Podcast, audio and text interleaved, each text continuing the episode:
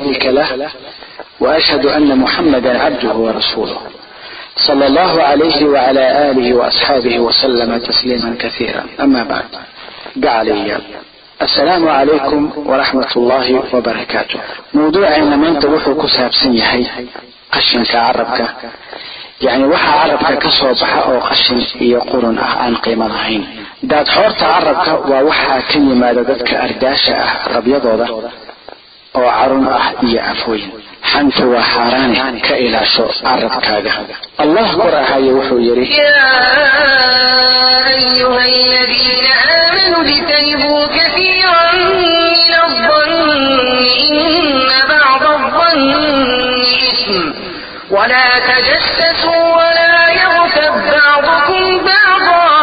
أيحب أحدكم أن يأكل لحم أخيه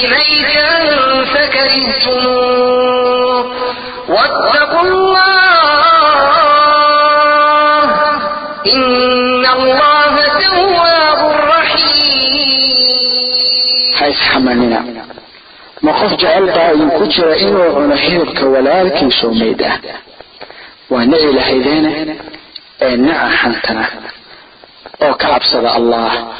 Xaqiiq alleh waa toobad aqbale naxariis badan. Wuxuu kaloo yidhi kor ahaye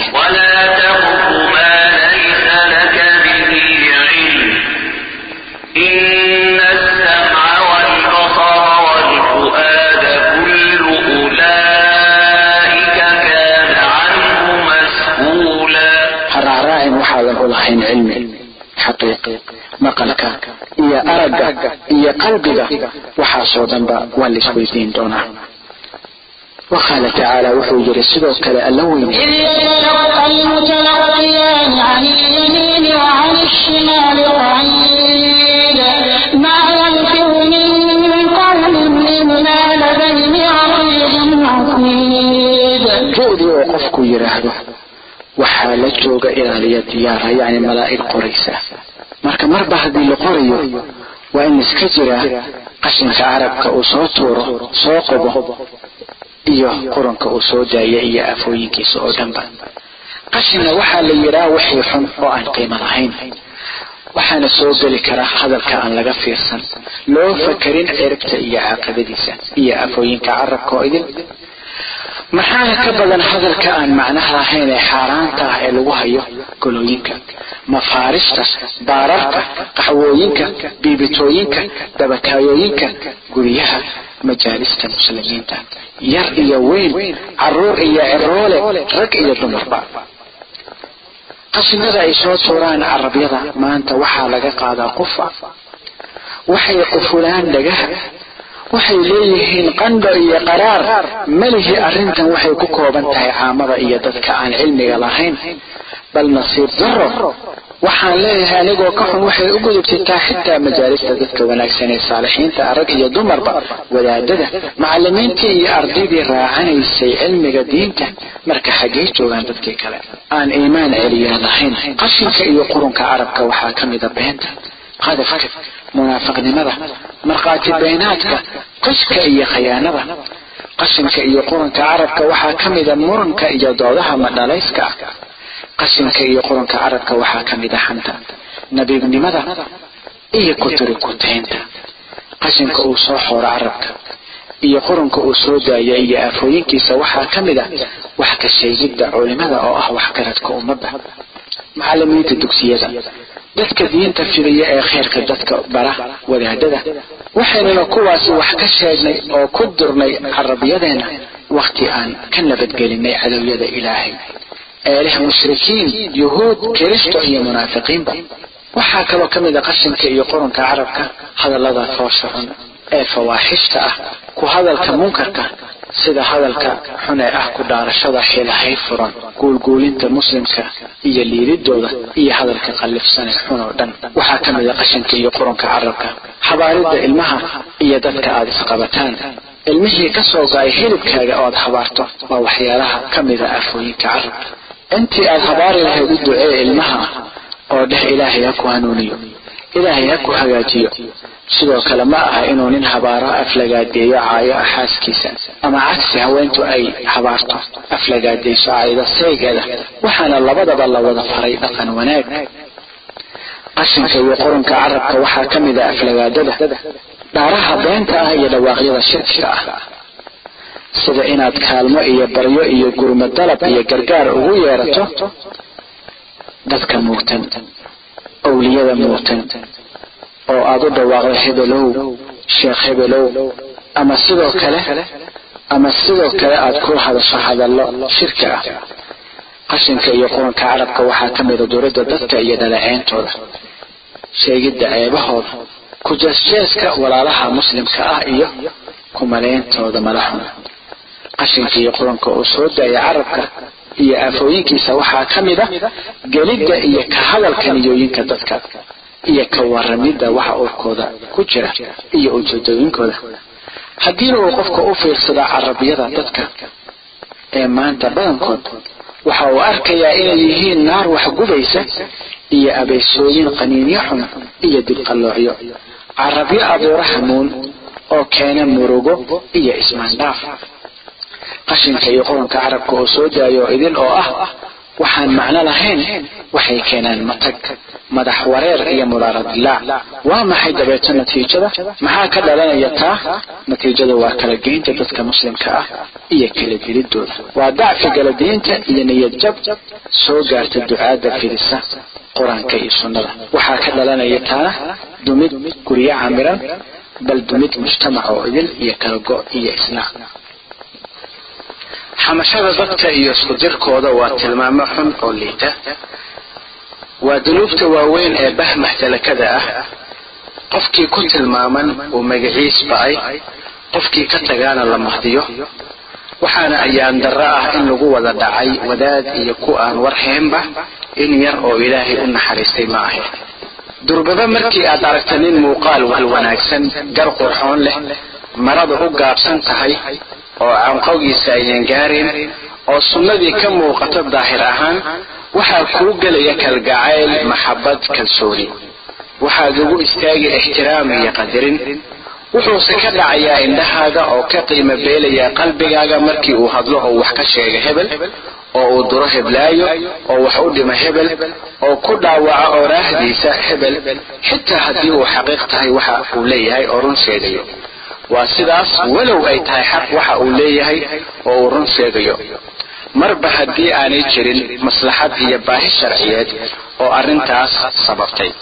Xitaa haddii ay dan sharci ah keentay oo maslaxadii jirto waa in la yaqaan diinta iyo waxa ay ka leedahay iyo xuduudda iyo xaaladaha ay u dhigtay iyo axkaamta fiqiga ee la xidhiira haddii aadan aqoon walaalkay muslimka aho walaashay muslimadda ahayd wax kale oo aan ku dhihi karnaa ma jiraan aan ahayn cisha carabkaaga ka adkow afkaaga adigay kuu roon tahay if iyo aakhiraba.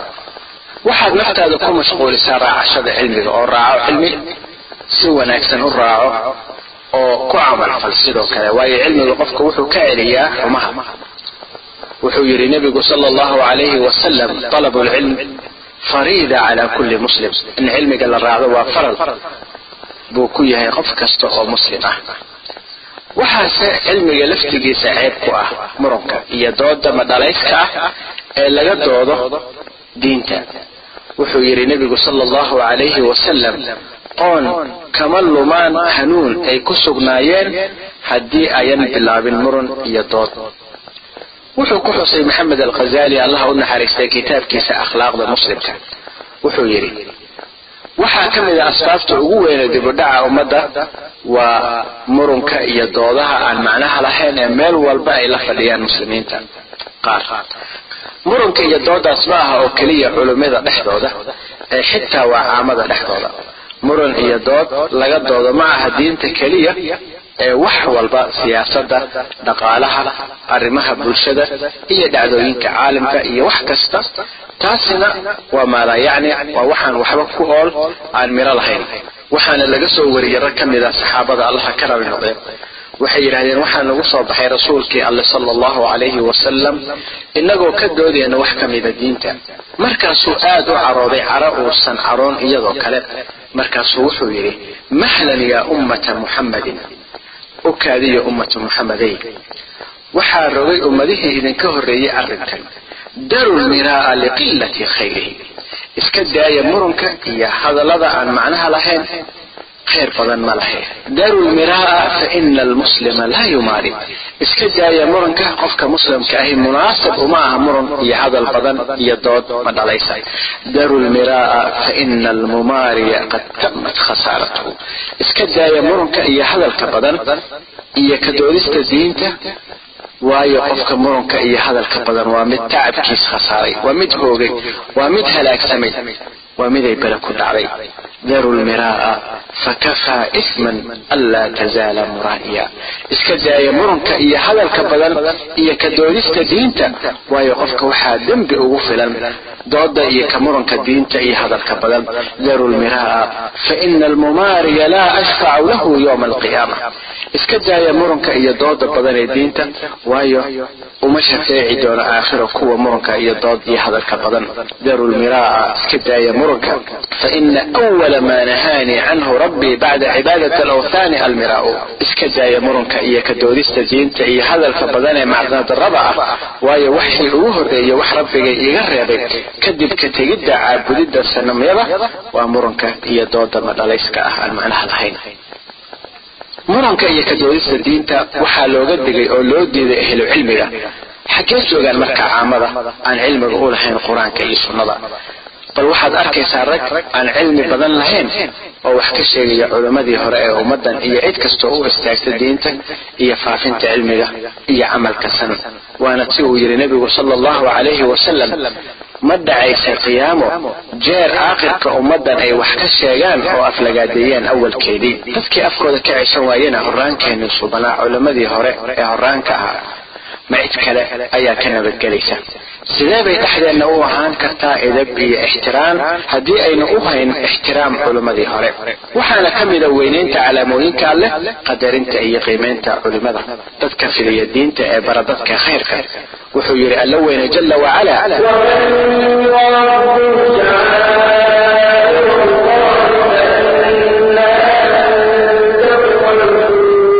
kii kastoo weyneeya xurmeeya calaamooyinka alleh waxay iyadu runtii ka soo fushaa oo muujin taqwada qalbiga. Shaciira waxaa la yidhaahdaa wax kasta oo alla weyneeyey oo ku dareensiiyo weynida iyo wanaagga alleh maanta dadka waxay carabkooda ka ceshadeen cadowyadii alleh oo afka la galeen culimmadii waxgaradkii wadaadadii ducaadii fidinaysay diinta ee baraysay dadka khayrka. Yaa fahmi kara waxay dadkani yihiin carabkooda ka ceshaday gaalada iyo munaafiqiinta eela galay oo wax kaga sheega muslimiinta walaalahooda. Maxay u dallan yihiin? Maxay doonayaan? Maxay u durundaabeynayaan dadkooda? Oo u durayaan dadkooda? Walaalayaal walaalooyin waa inaad iska jirtaan dadka ka hadla walaalahood muslimka ah. Iyo kutubta iyo cajaladaha iyo culimmada waxay isaga sheegaan waayo waa waxay ka digeen culimmadii oo idil. Waxaad arkaysaa arday aan aqoon badan lahayn oo akhrisanaysa kutub ama dhegaysanaysa cajalado ay ku durayaan culimo. Markii aad ka waanisidna ku odhanaya waa wax jira oo asal leh cilmiga aljarx watacdiil ibnu taymiya ayaa waxaa ka sheegay hebel iyo hebel. Addahabi baa ka hadlay hebel iyo hebel. Ikhwaani kutubta laga qoray aljarx watacdiil ee ah kutubta ka hadasha ragga soo wariya xadiiska iyo xaaladahooda. Kooda qalloocan iyo kooda quman waa boqolaal. Hase yeeshee bal aqri oo odoros oo hoos u eg wax ka sheegidda ragga. Alla kala fogaa wax ka sheegidoodii iyo wax ka sheegideenna dadka. Cabsida alla waxay ahayd miisaan la yaab leh oo ay ku gudbaan carabyadooda allaha u naxariistee hadafkoodana wuxuu ahaa in laga sooco sunnada saxiixa ah teeda aan saxiixa ahayn ee saqiimka ah kala sheegaan tan toosan iyo tan turxaanta leh laakiinse hadafka maanta waa maxay? Allaynu ka magan galnay hawada xun xasadka munaafaqnimada iyo akhlaaq xumida oo dhan. Walaalo walaalay ilaa iyo goorma bayna moogaanaa ama ismoogeysiinaa ama ka jeedinaa indhaheenna ama iska indhatirnaa khatarta iyo halista carabka intii ay doonto ha ahaato toosnidaada intii ay doonto ha ahaato cibaadadaada intuu doono ha ahaado khayrkaaga. Intuu doono ha gaaro cilmigaaga. Waxay doonto ha ahaato niyadaada iyo qasadkaaga. Waa inaad ogaato carabkaaga oo ka ilaaliso wixii u keenaya ayo xumo if iyo aakhiraba. Wuxuu ku xusay ibnulqayim allaha u naxariistay kitaabkiisa aljawaab alkaafi oo yidhi waxaa la yaab leh inay qofka u fududahay inuu iska dooro cunidda xaaraanta dulmiga iyo xatooyada iyo cabidda khamriga iyo eegmada xaaraanta ah iyo wax la mid a ha yeeshee ay ku adag tahay inuu ceshado carabkiisa xitaa waxaad arkaysaa nin lagu sifeeyo suubanaan zuhdi salaax oo wadaad ah oo ku hadlaya hadallo leh cala alleh uusan dan ka lahayn. Ha yeeshee uu ugu tuumbanayo hoos naar kelmadaas qula masaafo ka fog inta u dhexaysa bari iyo galbeed. Wuxuu sidoo kale ku xusay isla kitaabkiisaasi hadalkan. Addoonku wuxuu la imaanayaa maalinta qiyaamaha xasanaad buuro leh markaasuu arkayaa inuu carabkiisii uu ka baabi'iyey iyagii oo dhan. Qofna wuxuu la imaanayaa xumaano buuro la eg. Markaasuu arkaya inuu carabkiisii uu ka baabi'iyey iyagii oo dhan. Wixii uu ku xuseeyey carabkiisa alla darteed iyo waxa uu la yimid istikfaar iyo dembi dhaaf dalab sidaa awgeed baan ku leeyahay walaalkay gacalka ahow iyo walaashay qaaliga ahay iska jir carabkaaga. Ka digtoonow carabka cisho carabkaaga cisho carabkaaga waa qayb ka mid a xadiis laga soo wariyey nebiga sala allahu calayhi wasalam wuxuu ku soo saaray atirmidi sunankiisa axmedna musnadkiisa. Waxaa kaloo soo wariyey ibnu mubaarak iyo atabaraani iyo keyrkood waana xadiiska cuqba ibnu caamir allaha ka raali noqday. Wuxuu yidhi waxaan idhi yaa rasuul allah rasuul allow man najaat? Maxaa lagu badbaadi karaa? Maxaa lagu samata bixi karaa sidee baan u badqabi karaa wuxuu yidhi nebigu sala allahu calayhi wasalam amlik calayka lisaanak hana carabkaaga walyasacka baytuk oo ha ku deeqo gurigaaga yacni joog gurigaaga. Macnaha waa u dhexee gurigaaga shaqadaada masjidkaaga iyo qaraabo salaan iyo dariskaada ood ogaatid wanaag ku ogaatid iyo ziyaarada ahlu cilmiga iyo wax la mid ah wabki calaa khatii'atak oo u oy ka xumo wixii gaf ah oo kaa dhaca. Oraah kale waa amsik calayka lisaanaka cisha carabkaaga. Xadiiskuna wuxuu saxiix ku yahay shawaahid uu leeyahay. Abu saciid alkhudrina allaha ka raali noqday wuxuu yidhi nebigu sala allahu calayhi wasalam wuxuu yidhi markii uu qofku soo kaco subaxii xubnihiisa oo dhammi waxay abhiyaan carabkiisa iyagoo leh alla nooga cabso adigaan kuu qoolannahaye haddii aad toosnaato waa toosi doonaa haddii aad qalloocatana ka leexatid xaqa waa qalloocmi doonaa innaguna waa ka leexan doonaa macnaha yani waxaa soo wariyey atirmidi dadkuna xafidaadda carabkooda bay kaga baahi badan yihiin xafididda xoolahooda siduu yidhi maxamed ibnu waasic allah u naxariistay. Waayo hadalka badane qofkiisuu hayba tiraa qofkii hadalkiisa batana waxaa bata dhaadhiciisa waxaana aragnaa inay dadka ka fureen dabarta iyo xarigga carabyadooda markaasuu wuxuu noqday carabkaasi hub loo adeegsado kala geynta muslimiinta faafinta tafaraaruq iyo kala tagga muslimiinta isnac aflagaado munkar iyo is-eedeen dhammaan heerarka kala duwan ee nolosha rag iyo dumarba. Imaam nawowi allaha u naxariistay wuxuu yidhi waa ku waajib qof kasta oo qaangaar ah uufiyow inuu ka xafidaa carabkiisa dhammaan hadallada macnodarrada ah.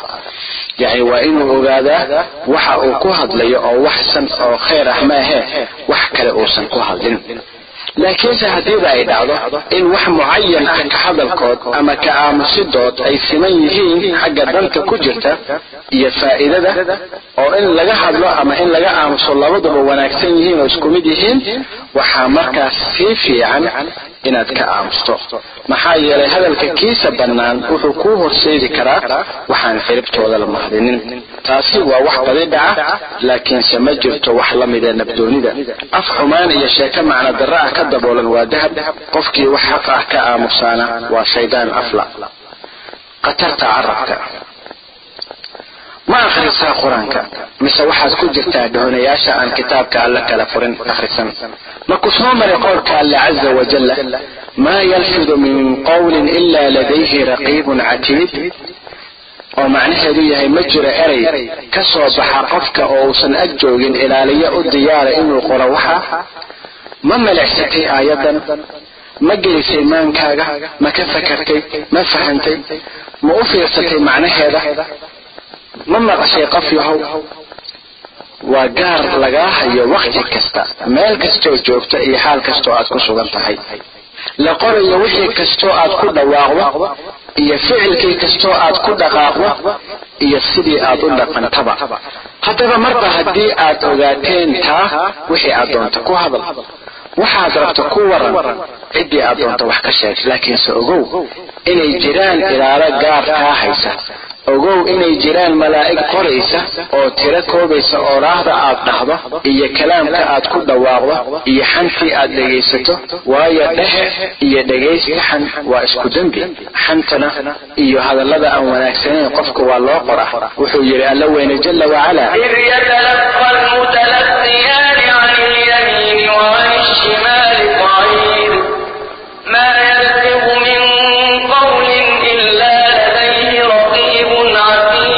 xus in labada xil qaadayaal malaa'igta wax qoraysa qaadaan xilka ruux kasta lab ama dhadig ku ahaadaba markii uu baaliqo mid wuxuu ka fadhiyaa dhinaca midigta midna dhinaca bidixda si ay u qoraan camaladiisa ama camaladeeda oo raahyada uu ku hadla iyo waxa ay sheegaan. Adiga ayadaas kula hadlaysaa qof yahow adigay ku qusuusaa muslimad yahay. Dhegayso maa yalfidu min qawlin ilaa ladayhi raqiibun catiid ma jiro erey ka soo baxa qofka uusan ag joogin ilaaliya u diyaara inuu qoro waxa aayadahan wallaahi waxay gelgelayaan nafta gelgelid oo ruxayaan ruxid oo gelinayaan gariira cabsi alla ah wuxuu yidhi ibnu cabbaas allaha ka raali noqda isagoo fasiraya qowlka alleh maa yalfidu min qawlin ilaa ladayhi raqiibun catiid. Wuxuu yidhi waxay qoraan wax kasta oo qofka ku hadlo oo khayr iyo shar. Xitaa waxay qoraan qowlka qofka ee ah waxaan cunay waxaan cabbay waan imid waan baxay waan arkay. Markii la gaaro maalinta khamiista ayaa la bandhigaa qowlkiisa iyo camalkiisa oo la qiraa wixii ku jiray oo khayr ah ama shar oo la qubaa intii kale. Dhegaysana aayadahan ku soo arooray kitaabka alle korahaya garaacaysa maqalkaaga oo gelgelaysa qalbigaaga haddii uu yahay qalbi uu ku jiro iimaan iyo alla ka cabsi. Wuxuu yidhi allah jala wacala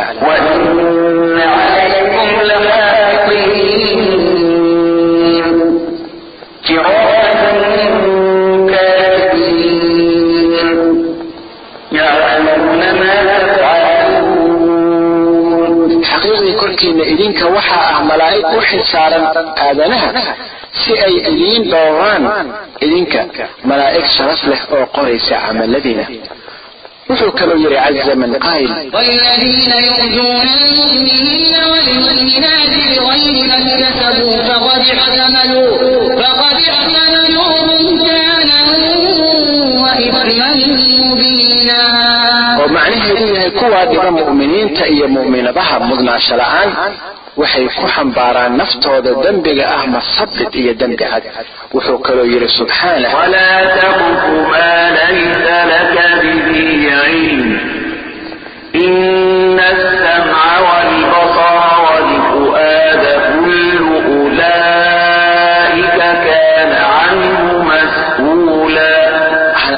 raacina dadow macnaha waa ha ku hadlina ama ha falina ama ka marag furina waxaadan u lahayn cilmi waa sida maruu qof leeyahay waan arkay isagoo xaqiiqdii aan arag ama waan maqlay isagoo aan maqal xaqiiq maqalka iyo aragga iyo laabta mid walba oo kuwaas ka mid ahay waa la su'aali doonaa waa laydinka weydiin doonaa xagga alleh wuxuu kaloo yidhi jala shaanuhu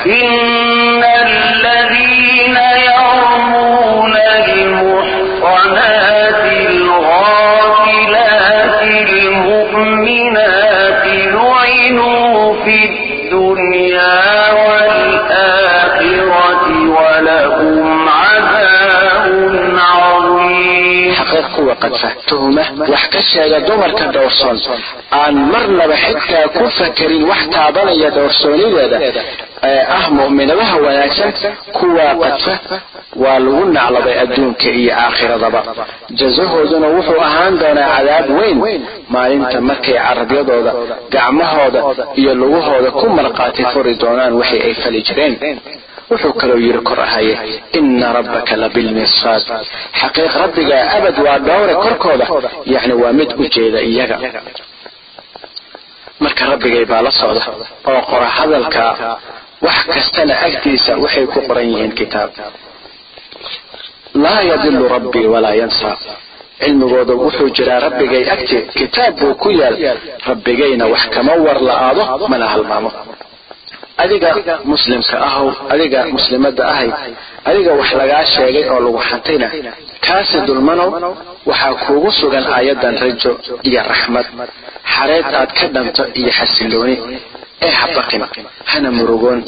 Xusuusnowna qowlka alle ina rabbaka labilmirsaad isaga ayaa ujeeda kuwaa carabyadooda u furay caynaanka ujeeda qooqanayaasha iyo qaqablayaasha dagaalka iyo dirgirayaasha iyo kuwa dura oo sheeg sheega ceebaha dadka. Isaga ayaa u jeeda sharwadeenka iyo ahlu fasaadka ee habaqin taa kadib sidaynana u kororsanno caddeemo la xiriira halista iyo khatarta uu leeyahay carabka labadaa daan dhexdooda ah dhegayso dhegayso axaadiistan rasuulkii allah sala allahu calayhi wasalam laga soo wariyey waxaa laga soo wariyey bilaal ibnu xaaris almusaniy allaha ka raali noqday inuu yiri wuxuu yidhi nebigu sala allahu calayhi wasalam qof baa odhanaya kelmad uusan isagu islahayn intaasay gaaraysaa wanaaggeeda. Uu alle ka yahay raalli markaasuu alle kaga raali noqdaa ilaa maalinta uu la kulmayo maalinta qiyaamaha. Sidoo kale qof baa ku hadla kelmad isagoo aan islahayn intaasay la eg tahay uuna ka carooda alle markaasaa alle ugu caraysnaadaa ilaa maalinta uu la kulmayo waa maalinta qiyaamaha. Wuxuu calqama oran jiray. Muxuu hadal ii diiday xadiiska bilaal ibnu xaarif yacni xadiiskan aynu soo xusnay. Dhegaysa dadaalkooda allaha ka raali noqday muxuu hadal ii diiday xadiiska bilaal ibnu xaaris? Sidaa wuxuu ku xusay ibnu kasiir tafsiirkiisa. Xaggee ka joogaan alqama kuwa iska gala hadalka ee aan dan u gelin maxaynu tuurnaa gacalayaal oo maxaynu tuurnaa muslim yahow? Kelmado aan rumaysannahay inay dabeesha raaceen nan dhaafeen ha yeeshee ku yaal kitaab alle agti ah. laa yadilu rabbii walaa yansa rabbigay ma war la-aado mana halmaamo. Arrintaa gasha xisaabta. Si aad u ogaatid in kelmad kasta kuu qoran tahay walaalkay gacalka ahow. Walaashay khaalida ahay. Waxaa laga soo wariyey abu hurayra allaha ka raali noqday inuu yidhi waxaan maqlay rasuulkii alla sala allahu calayhi wasalam oo leh markii uu qof yidhaahdo kelmad uusan ka fiirsan wuxuu ugu sanbariirsadaa naar uu kaga soo duulaya meel u jirta masaafo ahaan. Inta bariga qorax soo baxa iyo qorax u dhaca. Isu jiraan bukhaari iyo muslim. Werinta muslim waxay leedahay qof baa mararka qaarkood yidhaahda kelmad alle ka carooda isagoo aan dan u gelin saa waxay u qaadaa xagga cafi allow cafis iyo caafimaad baynu kaa barinay. Shuqulkeenna maanta wuxuu u batay golooyinka gudahooda iyo fadhiyadeenna xan dirdiro wararka aan lahayn salka iyo fidinta barabagaandooyinka beenta imise kelmad ayaa kharibay qofkii yidhi oo qar ka tuuray isagoon ogeyn. Aaway iimaan camira nafaha aaway iimaan qofka ka cesha wax ka sheega walaalihii muslimka ah albaraa ibnu caazib allaha ka raali noqday wuxuu yidhi wuxuu yidhi rasuulkii alla sala allahu calayhi wasalam ribadu waa toddobaatan iyo laba nooc tan u yar martabad ahaan waa sida nin ka zinaystay hooyadii ribana waxaa ugu daran ugu weyn martabad ahaan qofka oo walaalkiis meel uga dhaca oo wax ka sheega alalbani aaway iimaan camira nafaha aaway iimaan qofka ka cesha wax ka sheega walaalihii muslimka ah waxaan shaki ku jirin fasaxaadka golaheenna iyo fadhiyadeenna waxaa ugu wacan aqoon-yarida iyo akhris la'aanta. Waayo haddii uu qofka tegi lahaa golooyin cilmi ah wuxuu ka faa'iidaysan lahaa golooyinka faa'iido tan u fiican. Wuxuu maqli lahaa xaalado cilmi ah iyo xikmado sharci ah iyo murti iyo mahmaahooyin wanaagsan iyo masaa'il fiqi ah halkii kutiri kuteennada iyo hadalka turxaanta iyo kelmadaha aan toosnayn.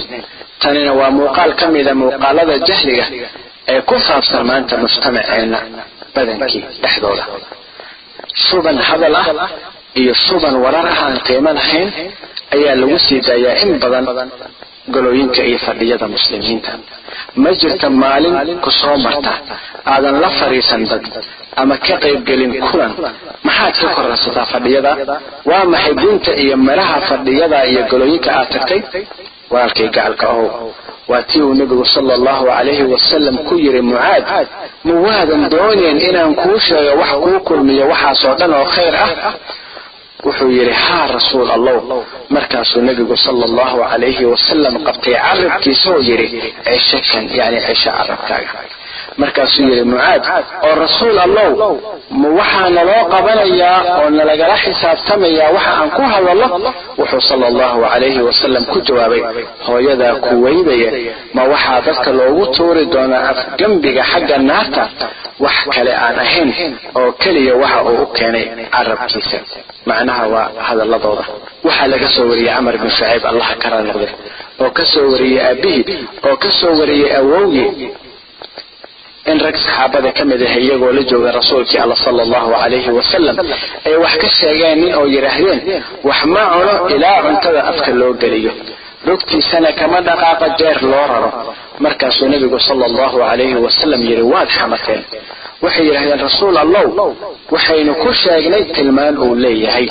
Wuxuu nebigu sala allahu calayhi wasalam yidhi waxaa dembi kuugu filan inaad ka sheegto walaalkaa ceeb uu leeyahay wuxuuna sahl ibnu sacad allaha ka raali noqdee ka soo wariyey nebiga sala allahu calayhi wasalam inuu yidhi man yadman lii maa bayna laxyayhi wamaa bayna rijlayh adman lahu ljanna rawahu lbukhaari qofkii ii damaanad qaada inuu ilaaliyo waxaa ah labadiisa daan dhexdooda carabkiisa yacni ka dhowraxan dirdiro dhaaro beenah dhawaaqyo shirki ah masabid iyo hadal xun oo dhan iyo waxa labadiisa lugood dhexdooda ah yacni farjigiisa waa ka dhowra zino iyo gogol dhaaf iyo wax la mid ah waxaan damaanad qaadayaa gelidiisa jannada waxaa wariyey bukhaari waxaana ku arooray aakhirka xadiiska sufyaan ibnu cabdullah allaha ka raali noqde wuxuu yidhi waxaan idhi rasuul allow maa akhwafu maa takhaafu calaya maxaa ugu badan waxaad igu baqdo? Markaasuu intuu soo saaray carabkiisa ayuu yidhi mida kan yacni carabka. Dabeeto dhegaysa talada. Iyo tusaalahan uu nebigu sala allahu calayhi wasalam siinayo qof kasta oo muslim ah waxaa laga soo wariyey abu hurayra allaha ka raali noqday inuu nebigu sala allahu calayhi wasalam yidhi man kana yu'minu billahi walyawmi alaakhir falyaqul khayran aw liyasmut. Qofkii rumaysan allah iyo aakhiro ha ku hadlo waxsan ama ha iska aamuso waa qodob sharci ah waa tale iyo tusaale shaafi ah waa tarbiyad sharaf badan. Waa xadiiska la doonayo inuu ku xukumo walaale walaalay golo kasta oo aad tagtaba iyo fadhi kasta aad timaado man kana yu'minu billahi walyawmi alaakhir eeg tarbiyada talada iyo tusaalaha wanaagsan iyo ku toosinta qulubta ayaanta aakhiro.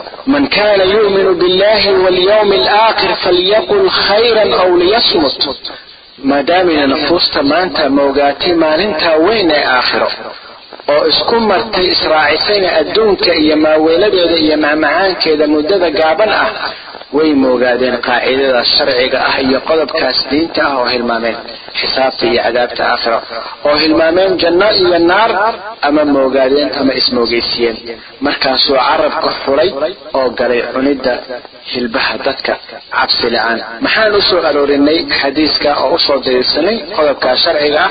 Waayo ma banaana marnaba inuu qofka muslimka ay ku waxyeelo oo ugu geysta adiyad iyo dhib afkiisa ama adinkiisa walaalkiis muslimka ah. Sidoo kale muslimka dhabta ahina waa kee? Waa man salima almuslimuuna min lisaanihi wa yadih kan ay ka nabadgalaan muslimiinta afkiisa iyo adinkiisa. Sida ku soo aroortay xadiiska abu muusa alashcari waxaa laga soo wariyey abu hurayra allaha ka raali noqdee in nin uu u qirtay waxaa laga soo wariyey abu hurayra allaha ka raali noqdee in nin uu qirtay inuu zinaystay. Intuu u yimid nabiga sala allahu calayhi wasalam oo ku celceliyey qirashadaasi afar jeer.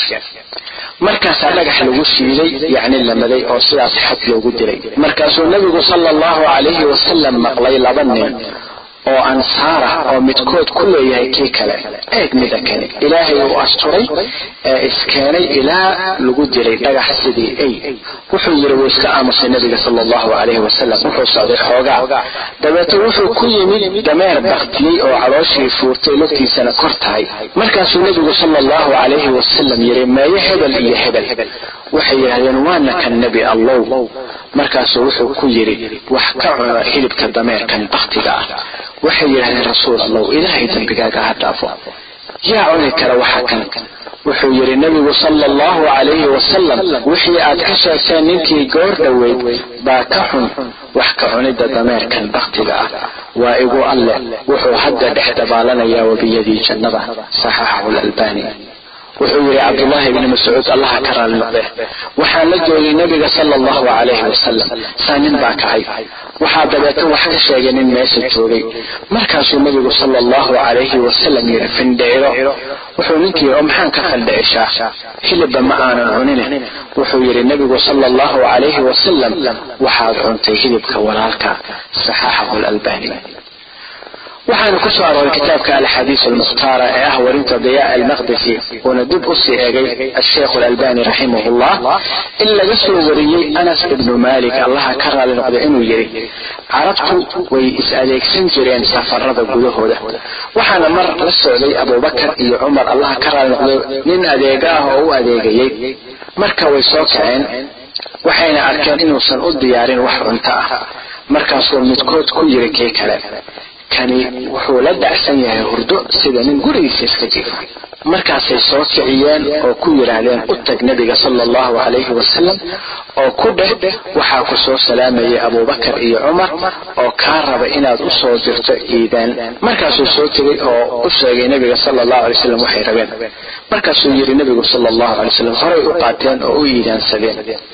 Markaasuu wiilkii u yimid oo u sheegay inta soo kaceen bay u yimaadeen nebiga sala allahu calayhi wasalam oo yidhahdeen rasuul allow waxaan kaa soo dalabnay iidaan waxaadna tiri horay baad u iidaamateen maxaan iidaansanay wuxuu yidhi nebigu sala allahu calayhi wasalam waxaad iidaan ka dhigateen hilibka walaalkiin waa igu alle ah ee naftaydu ku jirto gacantiisa waxaan uga jeedaa hilibkiisa maciyadiina waxay yidhaahdeen nooga dembi dhaaf dalab alle rasuul allow wuxuu nebigu sala allahu calayhi wasalam yidhi bal isaga ha idiin dembi dhaaf dalbo.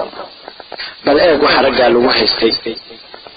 Eeg oo deris markayna axaadiistaas maqleen waxay aad isaga ilaalin jireen xanta iyo dirdirada iyo hadal xun oo idil oo aan laga fiirsan. Horaankii suubanaa iyo ilaalinta carabka. Waxaan halkan idinku soo gudbinaynaa mawaaqif aan badneen oo aad u yar ee ku saabsan sidii uu ahaa xaalkii horaankii suubanaa xagga ilaalinta carabyadooda wuxuu ku xusay alimaam maalik kitaabkiisa almuwada in cumar allaha ka raali noqday oo u soo galay abubakar asadiiq allaha ka raali noqday isagoo haya carabkiisa markaasuu ku yidhi cumar waa maxay sida aad yeelayso ilaahay dembigaaga ha dhaafe? Wuxuu yidhi abubakar allaha ka raali noqdee kan baa idhigay shilalka xun kan baa idhigay shilalka xun. Yaa sidaasi ninka koowaad ee ahlu jannada ah xususay ambiyada kadib abubakar allaha ka raali noqde waxaa sidaas abubakar radia allahu canhu bal eeg ku dadaalkiisa ilaalinta carabkiisa. Ninbaa isna wuxuu yidhi waxaan arkay ibnu cabbaas allaha ka raali noqday oo haya fooda carabkiisoo leh wayxag qul khayran taqlam waskut can sharin taslam. Qul khayran dhex oo sheeg khayr waa diibaaniya oo ka aamus oo ha ku hadlin hadal xun waad nabadgeliya wuxuu yidhi nin baa markaasi wuxuu ku yidhi ibnu cabbaas maxaa kugu dhacayaad u haysaa fooda carabkaaga oo aad u leedahay sidaas iyo sidaas? Wuxuu yidhi ibnu cabbaas allaha ka raali noqde waxaa isoo gaaray in addoonka maalinta qiyaamo aysan jiri doonin wax uu uga carabadnaan doono carabkiisa. Yacni xubnaha jirka ma jiri doonto xubin uu uga carabadnaan doono carabkiisa. Waxaa soo wariyey ibnu mubaarak axmed iyo abu naciim wuxuu yidhi cabdullaahi ibni abi zakariya waxaan isku leelinayay aamuska labaatan sano bal eeg xisaabinta nafta iyo leelinteeda waxaan isbarayay aamuska labaatan sano. Marka kama gungaarin meel uu joogana haddii cid wax ku xamato ama hadal aan macno lahayn iyo milgo ku mashquusho wuu ka canaanin jiray isagoo leh. Haddii aad alla xustaan oo weynadiisa ka warantaan oo na xasuusisaan waayaha alle wacdiga iyo waanida iyo wixii anfaa leh waan idinku caawinaynaa oo idinku garab joognaa. Haddiise aad ka hadashaan oo bilowdaan inaad wax ka sheegtaan dadka waan idinka tegaynaa. Eeg habdhaqanka haddii aad alla xustaan waa idinla jirta haddii aad bilowdaan inaad dadka wax ka sheegtaan waa laydinka tegaynaa. Wuxuu ku xusay abu naciim hadalka kitaabkiisa alxilya wuxuuna daawuus ibni kaysaan radia allahu canhu ka cudur daaran jiray aamuskiisa badan oo odhan jiray waxaan jarrabay carabkayga saan waxaa arkay inuu yahay mid khatar oo halisa waa kuwaas horaankiisuu banaa ee raggii rag ahaa ee maxaynu inagu ka leenahay carabyadeena hanaad ibnu sariy wuxuu ku xusay kitaabkiisa azuhd isagoo hadalkaa cuskinaya xasanulbasri inuu yidhi waxay ka baqayaan in marka ay leeyihiin xumayd dheere ay tahay xan. Waayo waxay u tiriyeen oo ku sheegeen daraf waa sida qowlkeena axmed dheere aadan gaab waxay ka baqayeen inay tahay xan. Ilaahay ha u naxariisto dhammaantood wuxuu ku xusay wakiic kitaabkiisa azuhd abu naciimna kitaabkiisa alxilya. Iyagoo ka soo wariyey jariir ibnu xaasim inuu yidhi wuxuu xusay ibnu siriin nin oo yidhi ninkaasi madow. Isagoo doonaya inuu tilmaamo waa ninkaas madow. Dabeetu wuxuu yidhi allow ii dambi dhaaf malaha waa xan hadalkaygaasi cabdullaahi ibnu wahabna wuxuu sharaf muyar ku galay inuu markii uu qof xantaba uu soomo maalin wuxuu yidhi saa waan ku dhibtooday oo igu cuslaatay markaasaan waxaan niyeystay in markii aan waxantaba inaan lacag sadaqaysto. Marka la xijecli darteed baan isaga daaya xantii jarib oo tijaabi taas. Markii aad cid xamataba oo wax ka sheegto bixi kolay ku tahay hal dirham. Malaha mishaarkaa waxba kama harin. Wuxuuna ku xusay nawowi kitaabkiisa inay laba nin oo xoraankeenii suubanaa ka mid ahay kulmeen. Markaasuu midkood ku yidhi kii kale imase ceebood ayaad ka heshay aadanaha? Wuxuu yidhi lama tiri koobi karo waxaanse u tiriyey sideed kun oo ceebood. Waxaana helay tilmaan qofkii leh ay u asturaysa ceebaha oo dhan. Wuxuu weydiiyey oo waa maxay tilmaantan wuxuu yidhi waa ilaalinta carabka dhowrista carabka wuxuu yidhi ibraahim ataymi wuxuu ii sheegay nin la saaxiib ahaa rabiic ibnu khadyan labaatan sano inuusan ka maqal hadal xun iyo isagoo dad wax ka sheegaya. Markaasuu weydiiyey rabiicoo ku yidhi abuu yaziid miyaadan dadka wax ka sheegin marnaba? Markaasuu wuxuu yidhi wallaahi baanay ii cajabin nafteeda oo ka raalli ahayn si aan wax uga sheega dadka. Dad baa waxay u baqeen dadka kale dunuubta ay ku jiraan awgeed oo arkay inay ku jiraan khatar halka ay u baqin naftooda waa side waxaynu aragnaa dunuubta dadka kale taayadase may u laaba naftaada eega ceebaheeda intii aadan eegin ceebaha dadka kale oo ka hadlin.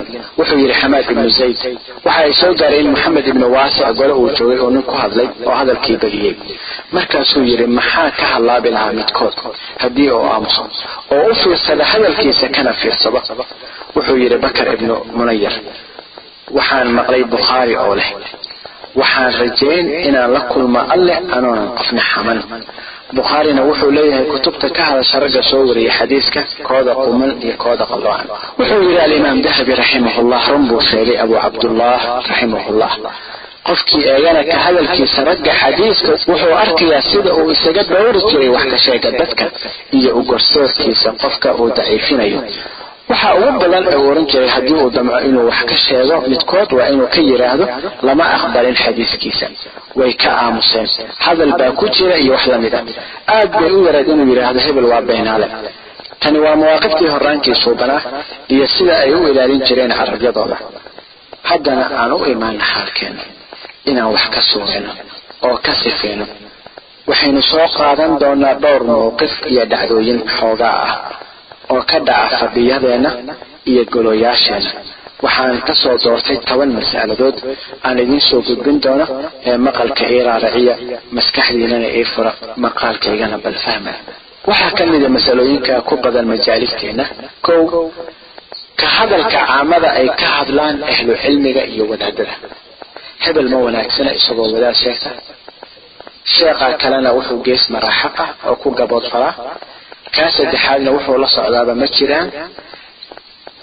Kaas afaraadna waa sidaa iyo sidaa oo ceebahaas buu leeyahay.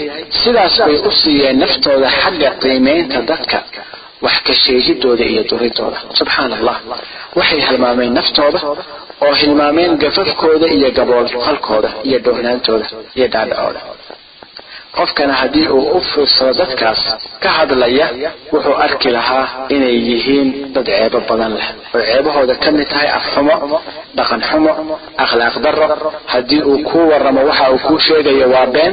Haddii uu heshiis kula galo waa kaaga baxa. Wixii lagu ballama kama soo baxo. Beeciisu waa qisi iyo qayaano. Salaadiisa ma suubana. Wuxuu dayacaa faraa'ilka oo dhayarsadaa sunnooyinka oo ka seegsheegaa shaqada amaba ma shaqaysto oo waa howllaawe ku nool shaxaad iyo barya aan xoogsan xalaal miiran wuxuu daawadaa aflaanta xun owlaadiisa dan kama leh waalidkiis kama warqabo qaraabo ma xiriirso waa kheerlaawe waa sabool isla qabweyn aan xaqa qaadan jaahil murakab ah. Waxaasoo dhan oo ceebo ah iyo masuubooyin ugama jeeda naftiisa oo waa ka indala'yahay oo waxaa u muuqda ceebaha walaalihii. Cidna kama nabadgasho xitaa saalixiinta daacadda ah ahlu cilmiga u shaqeeya fidinta diinta ee xaqa faafiya iyo wadaadada ee walaalkayow walaashayow wallaahi anigu waan kula jiraa oo kula jeclahay ee cisho carabkaaga oo ka joog wax ka sheega dadka. Haddii aad doontana inaad ka waranto ceebaha saaxiibkaa xusuuso ceebahaaga wuxuu cawn ibnu cabdullaahi yidhi ma jiro qof u faaruqa ceebaha dadka ayan taasi sababin inuu moogaado oo ka dhowhnaado naftiisa. Wuxuu bakar bin cabdullaahi almusani yidhi haddii aad aragto qof ku shuqlan ceebaha dadka ilowsan ceebihiisa ogaada inuu dagan yahay balaysan yahayna qofkaasi oo magaciis bacay waana in la ogaado in xamashada wadaadada culimada dadka fidiya diinta ee u sheega dadka kheerka ay sii weyn tahay dembi ahaan u sii daran tahay. Marka loo eego xamashada caamada waayo durudda iyo xamashada wadaadada waa durud diinta iyo yareen qiimahooda dadka agtiisa. Taasoo keenaysa inaan la dhegaysan kheerka ay u sheegaan dadka iyo wanaagga ay faraan. Ibnu casaakir raximahullah wuxuu yidhi hilibka wadaadada waa sumaysan yahay haddii aad cunto oo wax ka sheegto caalim wadaad waxgarad waxaa galay wadkaaga wax ka sheegidda culimmada waa sun bilaa ah addahabi wuxuu yidhi qofna kama hadlo oo wax kama sheega wadaadada culimmada dadka fidaya diinta ee bara ummadda kheerka ee ka mida ummaddan ilaa waa unkii alla dila qalbigiisa oo alleh ka qadsho qalbigiisa kheerka yumiitu qalbu. Wuxuu dilaa qalbiyadooda kuwa wax ka sheega culimada wadaadada dadka diinta fidaya ee bara ummadda kheerka waxaana ka mida tilmaanta qofka qalbigiisu dhintay waxba uma taraan waano iyo wacdi oo ma jecla culimada iyo wadaadada. Waxaana laga qaadaa qalbiyadooda qashuuca iyo kheerka markaasu wuxuu shaqo ka dhigtaa muran iyo dood camalkiisana noqdaa waxaa la yidhi waxaa la sheegay waxaan qabaa waxaan aaminsanahay wuxuu yidhi hebel. War maxay idaacaddaa sheegtay? Maxaad war haysaan? iyo wax la a sawir labaad oo ka dhaca galooyinkeenna waxay fadhiisteen meel. Markaasaa waxaa laisu keenay sheeko sheekaba sheekay keentaa waxay xuseen hebel inuu leeyahay ceebtaa iyo ceebtaa dabeeta waxay xuseen hadal uu yidhi hebel uu ku yidhi meel ama gole ama waraysi idaacadeed oo ku xeel dheeraadeen fanka wax ka sheega iyo duridda waxaana yaab leh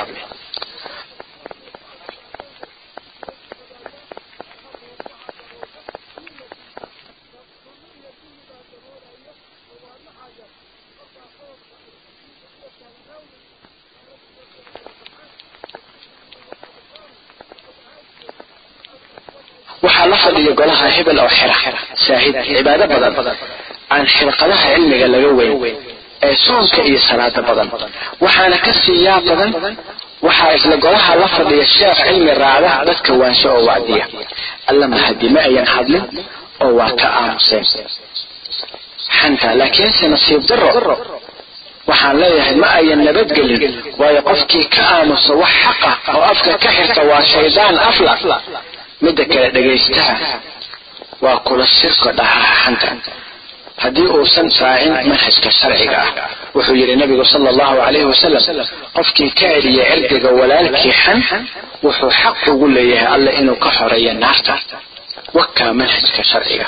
Qofkii ka celiya cirdiga walaalkii xan wuxuu xaq ugu leeyahay alle inuu ka xoreeyo naarta. Waxaa wariyey axmed atirmidi iyo keyrkiiba wuxuu sidoo kale yidhi nabigu sala allahu calayhi wasalam qofkii ka celiya cid wax ka sheegaysa qof kale.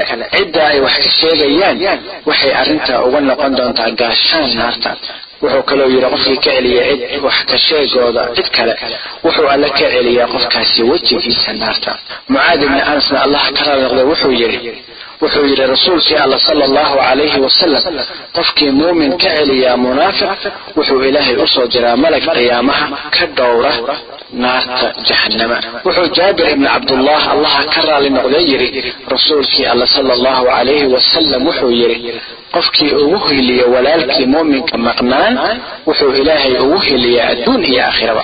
Axaadiista aan soo xusnay oo idil waxaa yidhi waa saxiix sheekh albani marka waxaana saaran inaan difaacno sharafta walaalaha iyo muslimka ah oo ka dhowrno fadhiyadeenna iyo guryaheena xanta waayo kuma jiraan wax khayr ah. Walaale walaaley haddii lagu dhaco oo qof wax laga sheego adiguna joogto golaha u gargaar qofka oo ka celi qoonkaa cunaya hilibkiisa oo u gargaar walaalkaa gar iyo gardarraba oo ku dheh qofka wax ka sheegaya cisha carabkaaga haddii uu yeelo waa sidii la rabay. Haddii kale ka tag oo ka kac fadhigooda. Waayo xantu waa khatar waa wax fool xun waa dembi weyn wuxuu yidhi alla weyne jala wacala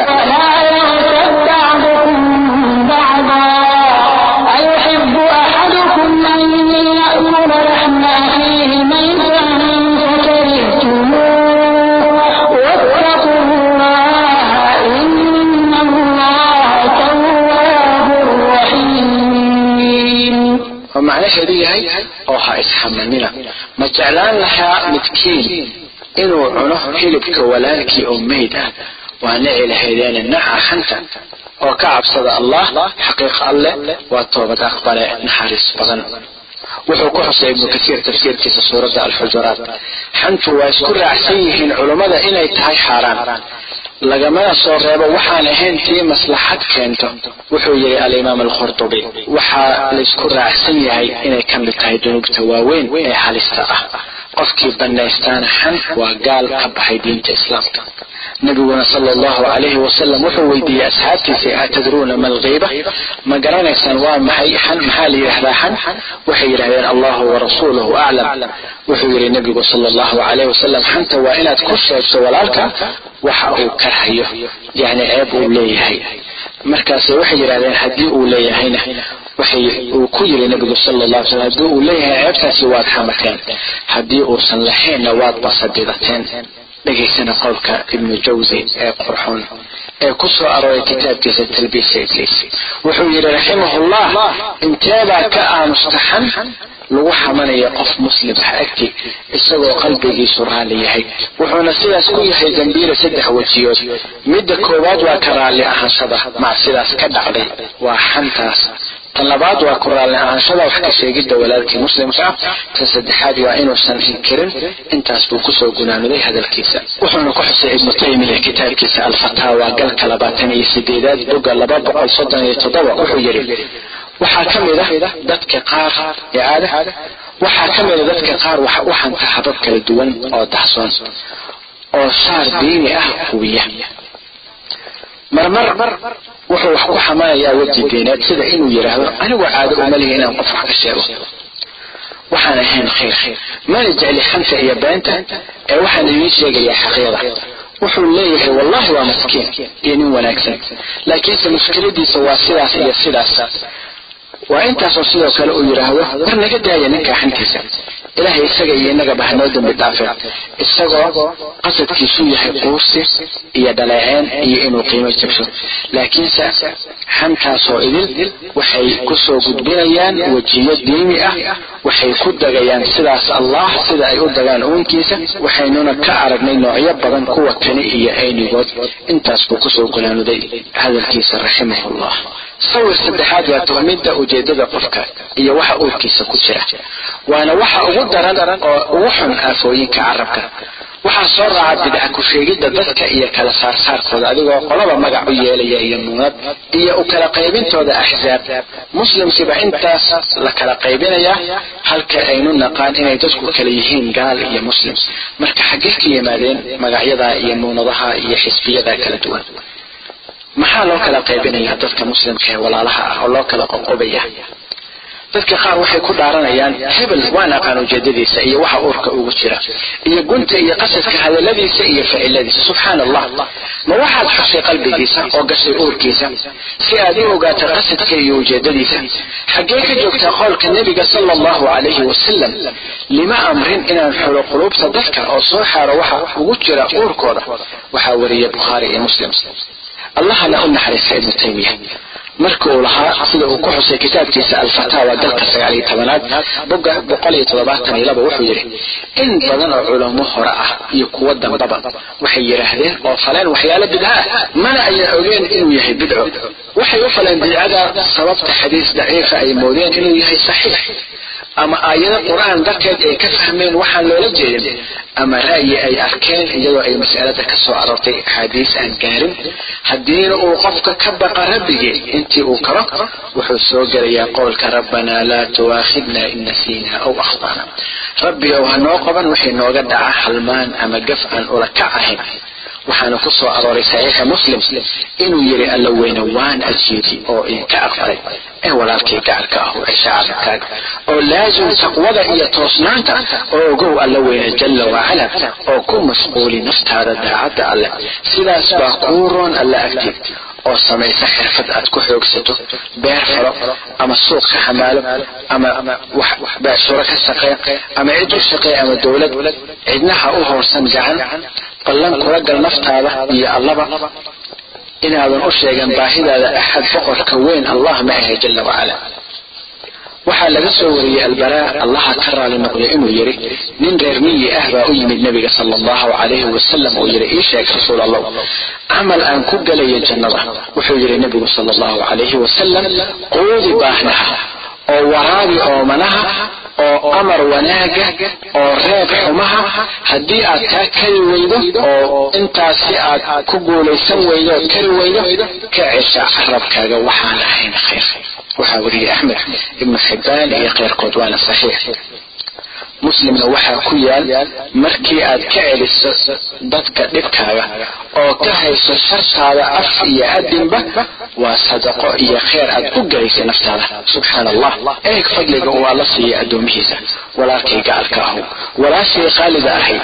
Ilaha khayrka way badan yihiin acmaasha samaha waa buux ee ku shuqlay naftaada khayrka haddii aadan samayn karin ka cesha carabkaaga waxaan ahayn khayr haddii aad diidana waxaan ahayn inaad dabagasho hadallada dadka oo raacraacdo iimahooda iyo inaad ka waranto waxa ku jira uurarkooda oo wax ka sheegto allah adiga iyo inagaba noo jeeda oo nabaalacanaya allah kuu jeeda oo kaa abaalmarinaya aqwaashaada iyo afcaashaada dad baad arkaysaa wax ka sheegaya culammadii u soo halgantay diintan. Qaar baa waxay yidhahdaan naxnu rijaal wahum rijaal. Waxaynu nahay rag iyana waa rag. Aniguna waxaan leeyahay maba nihinba rag. Ilaa in yar oo ilaahay u naxariista maaha gedigaanba naguma jiraan wax raga uma jeedo xitaa hal nin oo raga oo dhaama dumarka. Waxaynu nahay dhammaan dumar ma arka hal nin xitaa. Mar baa waxaan ku idhi waa inaad xurmaysaa oo wax ka siisaa talada oo qadarisaa oo qiimaysaa. Wuxuu yidhi sideesoo alla ma odhan alrijaalu qawaamuuna cala annisaa raggaa madax u ah oo maamulo dumarka oo u xil saaran. Markaasaan idhi hadda aawi ragga ah itus hal nin waxay aayaddu leedahay waxaa raggaa loogu xilsaaray ilaahay wuxuu ku fadilay darteed. Waa taas sababta ragga loo xilsaaray oo loo xusay inay dheer yihiin dumarka garaadooyin waxaan ragga loogu dhiibay xilka oo la yidhi waad kaga sidataan dumarka? Waxay ku xuseen kutubta tafsiirka. Arrintaasi ay kaga sitaan dumarka. Waxay yidhaahdeen waa inay u jihaadaan jidka alleh oo faraan wanaagga oo reebaan xumaha oo bartaan diinta oo ku bixiyaan xoolahooda xoojinta iyo ximaayadiisa marka ragga mujaahidiinta ah ee amra macruufka ee reeba xumaha ee barta diinta ee u ah hiilka iyo garabka aawi raggaasi si aynu u nidhaahna idinkaa ka sarreeya dumarka. Bal maanta dumar badan baa u dadaala diinta wax ka badan ragga qaarkood oo u jihaada oo amra macruufka oo reeba xumaha oo u hiilsa diinta oo wax ku bixiya oo barta. Qof kasta oo garle lama odhan karo waa nin ee taayaan lagu dagmin. Sawir kale wuxuu dhegaystay hadal uu qof jeedinayay kelmado ka mida dhegaysi aan dhammayn oo dhan taalan almuhim wuxuu leeyahay waan fahmay gunta hadalkiisa oo gartay qasadka qofka ama wuxuu akhriyey war ama kitaab si degdega ilaa ay dhaafeen qaar ka mida kelmadihii. Qornaa dabeete wuxuu leeyahay waan fahmay fikradda qoraha oo ogaaday qasadkiisa. Markaasuu wuxuu imaanayaa golooyin iyo fadhiyo si uu u dhiga culays uu ku rarnaa oo u qiimeeya cilmiga hadlaha ama qoraha. Sidaas bay naftiisa siisay. Markaasuu xusay hadalka hebel iyo qabarka hebelow iyo inuu yiri sidaas iyo sidaas isagoo doonaya inuu duro cilmigiisa nuqsaamiyo darajadiisa oo hadda madaxa meel ku dhuftay loogamana imaan maskiinka waxaan ahayn faham xumo iyo degdegsiinyo uu wax ku akhriyey markaasuu qofkii muxaadarada jeedinaya ama qore kitaabka wuxuu dusha ka saaray wuxuusan odhan horeyna waxaa loo yiri aafada warka waa un wariyayaashiisa. Imise ayaa wax ka sheegay qowl saxa aafaduna tahay fahamkiisa xun ee liita laakiin wuxuu qof walba wax kaga qaataa intay hadba gaarsiisan tahay heerka fahamkiisa dadkuna waa wada indho.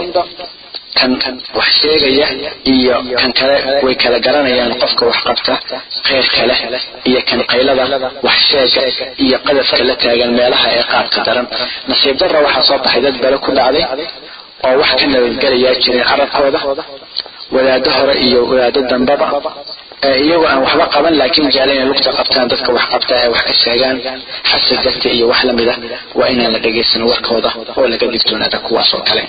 Sawir kale waxaynu inagoo moog ama ismoogeysiinayna kaga hadalnaa dad fadhiyadeena oo wax kaga sheegnaa inagoo xuseyna magacyadooda markaasuu haddii uu qof nagu inkiro oo naga waansho ka hadalka dadka ku nirahnaa waa xaqiiqo waxaynu ku sheegayna waa run. Waxaanaan kuu soo qaadan karnaa daliilo waxaanu leenahay muujinaya sida ay run u yihiin sidaasna ugu kordhinaya dhoobadii qoyaan. Subxaana allah soo ma cadda xadiiska nebiga sala allahu calayhi wasalam ee caddaynta macnaha xanta?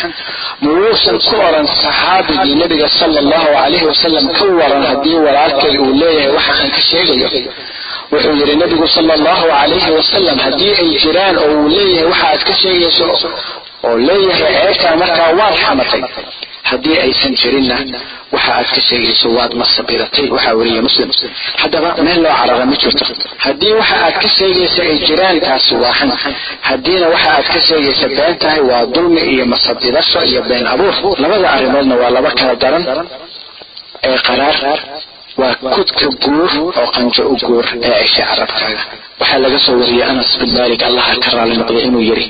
Wuxuu yiri nebigu sala allahu calayhi wasalam markii la ii qaaday samada waxaan sii maray qoon leh cidiyo maar ah waxayna ku diirdiirayeen wejiyadooda iyo laabahooda. Markaasaan weydiiyey maxay yihiin kuwa kani jibriilow? Wuxuu yidhi kuwa kani waa kuwa cuna hilibka dadka. Waa dad qaato waa sidaas wuxuu yidhi jibriil waa kuwii cuni jiray hilibka dadka oo dhaawici jiray sharaftooda waxaa weriyey axmed iyo abu daawuud isnaadkiisuna waa saxiix. Waxaa la soo wariyey inay caaisho allah ka raali noqdeen wax ka sheegtay haweeney. Dhegayso muslimato dhegayso tii ay qalbigeeda cabsi alle ku jirtay.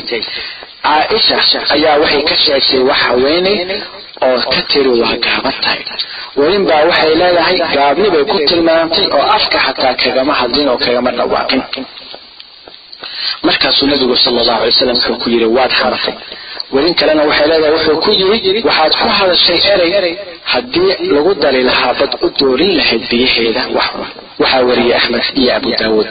Waana xadiis saxiixa haddaba maxay leeyihiin dumarkeena maanta? Markii ay ku kulmaan gore oo fariistaan fadhiga wax ka sheegaan tobaneeyo dumar ah. Heblo iyo heblaayo. Taasi waa sidaas. Tan kalena waa sidaas.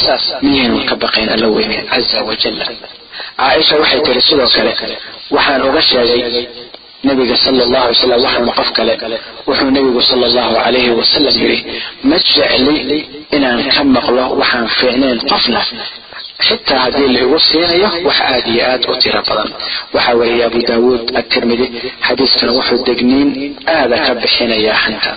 Marka waa inay dumarka sidoo kale iska jiraan ka hadlidda iyo xamashada walaalooyinkeed muslimaadka kale ah.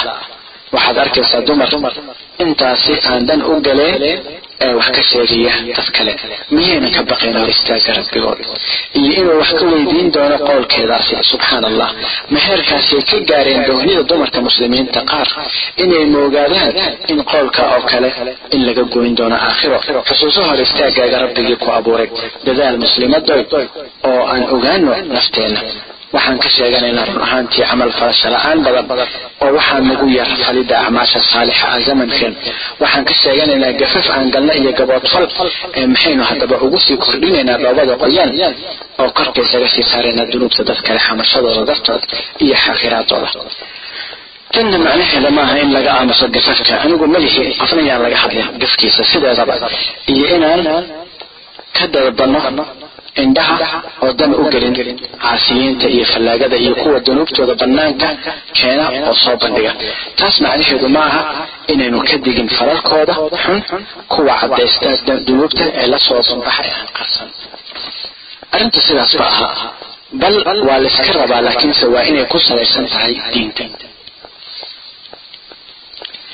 Imaam nawowi allaha u naxariista wuxuu yidhi waxaa jira xan ama maqnaan uga hadal bannaan ujeedooyin diini ah awgeed oo markii laga xanwaramayo arrin wax ka qabad u baahan oo diinta ku bannaan oo aan fuli karin haddii aan laga xan waramin ilaa lix siyaalood bayna ku timaadaa siyaalaha. Waxaa ka mid ah eed sheegadka qofka la dulmiyey uu u eed sheeganaya ninka madaxda ah ama garsooraha isagoo odhanaya qofkaas hebel ahayd sidaas iyo sidaas wuu ii dulmiyey labo qofkii dembi ku jira oo munkar falaya oo in laga reebo la rabo oo loo sheegayo qofkii ama ciddii ka reebi kartay iyadoo la sheegayo waxyaalaha uu sameeyo loolana jeedo in munkarkaas la joojiyo haddiise wax kale loola jeedo xantaasu waa xaaraan saddex inaad muftiga weydiinaysid dulmi aad ka tirsanaysid aabbaha ama walaalka ama xaaskaaga ama qof kaleba oo aad leedahay hebel baa sidaas iyo sidaas igu sameeyey ee arrintaasi jidmi iigu leeyahay. Sideesu uga bixi karaa oo xuquuqdeeda u heli karaa. Iyo wax lamida in qofka la magacaabaana waa bannaan tahay haddii ay kalifto inaan la magacaabin baase fiican ee la yidhahdo qof baa sidaas sidaas yeelay maxay noqonaysaa? Markaas dantiina waa la gaarayaa shaksina lama magacaabin. Afar si looga diga dadka muslimka ahi wixii shar wada iyo sharshaba iyadoo la tilmaamayo cidda la aanaynayo waxaas laga digayo sida kuwa xadiisyada wariya kuwooda dhaliisha leh iyo kuwa aan magfurkooda la qaadanayn waxaa iyaduna la mid ah oo la xansanayaa ciddii aad la xidadaysid ama la shirkoobaysid ama aad wax u dhiibanaysid ama aad la dhaqmaysid ama aad la darsaysid. Iyo wax lamida qofka la warsanayana waxaa waajib ah inuu xog waramo oo weliba wixii dhaliilo ah uu ogyahay sheego isagoo daacada sida isagoo arkay qof cilmi daaliba oo wax ka baranaya mid bidca faafinaya ama faasiq wax ka baranaya uuna uga baqo inuu cilmi daalibku ku dhumo waxaa markaas la rabaa inuu ka waaniyo oo uga nasteexeeyo isagoo daacada oo aan ujeedo kale lahayn. Halkan waxaa dhaca qalad badan oo waxaa laga yaabaa qofka wax sheegaya inuu siyaalo kala falo oo xaasidnimo qaado oo shaydaan sanbariirixiyo ugana dhigo inuu nasteexo sheegayo isagoo wax bixinaya waana in arrintaasi loo dhug lahaada waxaa sidoo kale laga xan waramayaa qof meel mas'uul ka ah oo aan mas'uuliyadii qaadi karin. Sababtu ha ahaato inuusan uga qalmin ama faasiq yahay ama mid iska doohan yahay. Waxaa kaasna looga xan waramayaa ciddii isaga meesha ka qaadi karta oo cid kaga habboon keeni karta ama sidaas kaga warqabaysa si aan hadhow loogu dagmin shan. Qofkii faasiqnimadiisa caddaysta ama bidco uu wado sida isagoo khamri ku cabaya meel la arkayo ama dadka boobaya oo baad iyo canshuur ka qaadanaya ama siyaalo kale xoolahooda u dulmiyaya ama waxyaalo kale oo baadila ku dhaqmaya iyo wax lamida kaas waa la sheegayaa waxaas uu bi'inayo qiimihiisa kale oo la sheegaase waa dembi. Asbaabtii hore soo sheegnay waxaa ka mid a haddii aysan imaan lix qofka naanaysta ama wax lagu yaqaan oo lagu garanayo haddii la sheego sida gacmi lugay dhagool indhool cawar iyo wax lamida waa bannaan tahay. Haddii markaas cay loola jeedo waa dembi. Si kale oo lagu garan kara haddii ay jirteen in sidaas lagu tilmaamaa sii fiican. Lixdaas arrimood culimadaas sheegtay oo badankood isku raacday. Axaadiista saxiixa oo daliilku ahna waa caan oo waa la yaqaan. Waxaan se hubaa in inta badan wax waxaa laga sheega golayaasheena iyo fadhiyadeena iska tahay sheeko aan loo fiirsan iyo fakar aan fogeyn bal qaar baa salka ku haya hawe naf iyo xasad iyo ximil. Ilaahay inaga iyo idinkabaa ka caafiya. Allahana u naxariista addoon sheega khayr oo qiimaysta oo ka aamusa xumaan oo sidaas ku hela salaamaad ninbaa wuxuu u yimid cumar ibni cabdilcasiis raximahullah markaasuu yidhi bal iiga waran fitnadii iyo dagaalkii dhex maray saxaabada qaar. Markaasuu wuxuu yidhi cumar ibni cabdilcasiis allah naxariiste. Wuxuu ilaahay ka dhowray seefaheena dhiigooda ee maxaan ula gelaynaa carabkeenna hilibkooda? Walaalayaal walaaloyin ha ka mid noqonina dadka warka iyo waxsheega lagu yaqaan ee ka mid noqda kuwa carabyadooda ka dahira beenta xanta iyo dirdirada iyo hadallada aan munaasibka ahayn iyo dhaaraha dhaarta faajirka ah iyo dhawaaqyada shirkiga ah. Sawir kale oo ka waramaya dhibaatada carabka ee fadhiyadeena maanta waa muuqaalkan. Wuxuu la fadhiistay saaxiibkii ama asxaabtii markaasay warkii badiyeen oo wax walba afka la galeen. Hebelna waxna kuma darsaneen inkastoo uu la fadhiya fadhiga si uu ula wadaago oo uga qayb qaato hadalka ayuu wuxuu ku haday dhowr eray uusan u fiirsan. Kama baaraan degin halisteeda wuxuu u qaatay hadal aan wax ka soo qaad lahayn. Ma fileen inuu ugu tiimbanayo naar salkeeda ka fog yahay inta u dhexaysa bari iyo buga waa tii aynu hore u soo xusnay xadiiskii abu hurayra. Allaha ka raali noqday ahaa inuu maqlay nabiga sala allahu calayhi wasalam oo leh addoonku wuxuu ku hadlay kelmad uusan u fiirsan oo ugu tiimbada darteed kelmadahaas hoos masaafo ka fog inta u dhexaysa bari iyo buga dhegaysa xadiiska nabiga sala allahu calayhi wasalam oo ajiib waxaa ku jira noloshaada iyo badbaadadaada. Qowlka nabiga sala allahu calayhi wasalam uusan u fiirsan yacni waa ka fakerin halista ay leedahay iyo ciribteeda xun. Bal xitaa uma haysta inay saamayn karto waana ayniga qowlka alle korahaya wayaxsabuunahu hayinan wa huwa cinda allahi cadiim waxaad moodaan wax yar oo fudud halka ay tahay wax weyn oo daran alle agti sidaas bay dadka qaar isaga tuuraan kelmadaha kafiirsi la'aan oo ku fududaadaan dabadeedna. waa fikir iyo foolxumo walaalkay wanaagsanow ka digtoonow carabkaaga halista iyo khatarta carabka waa wax weyn. aafooyinka carabkuna way badan yihiin ee esha carabkaaga sawir kale dadka badankii ee lala fadhiisto markii la xuso saaxiibkii wuu ammaanaa xitaa haddii uu ogsoon yahay inuusan mudnayn ammaanta haddiina la xuso nimaanay isku fiicnayn waxbuu ka sheegaa. Xitaa haddii uu ogsoon yahay inuu wuxuu ka sheegayo waxba ka jirin.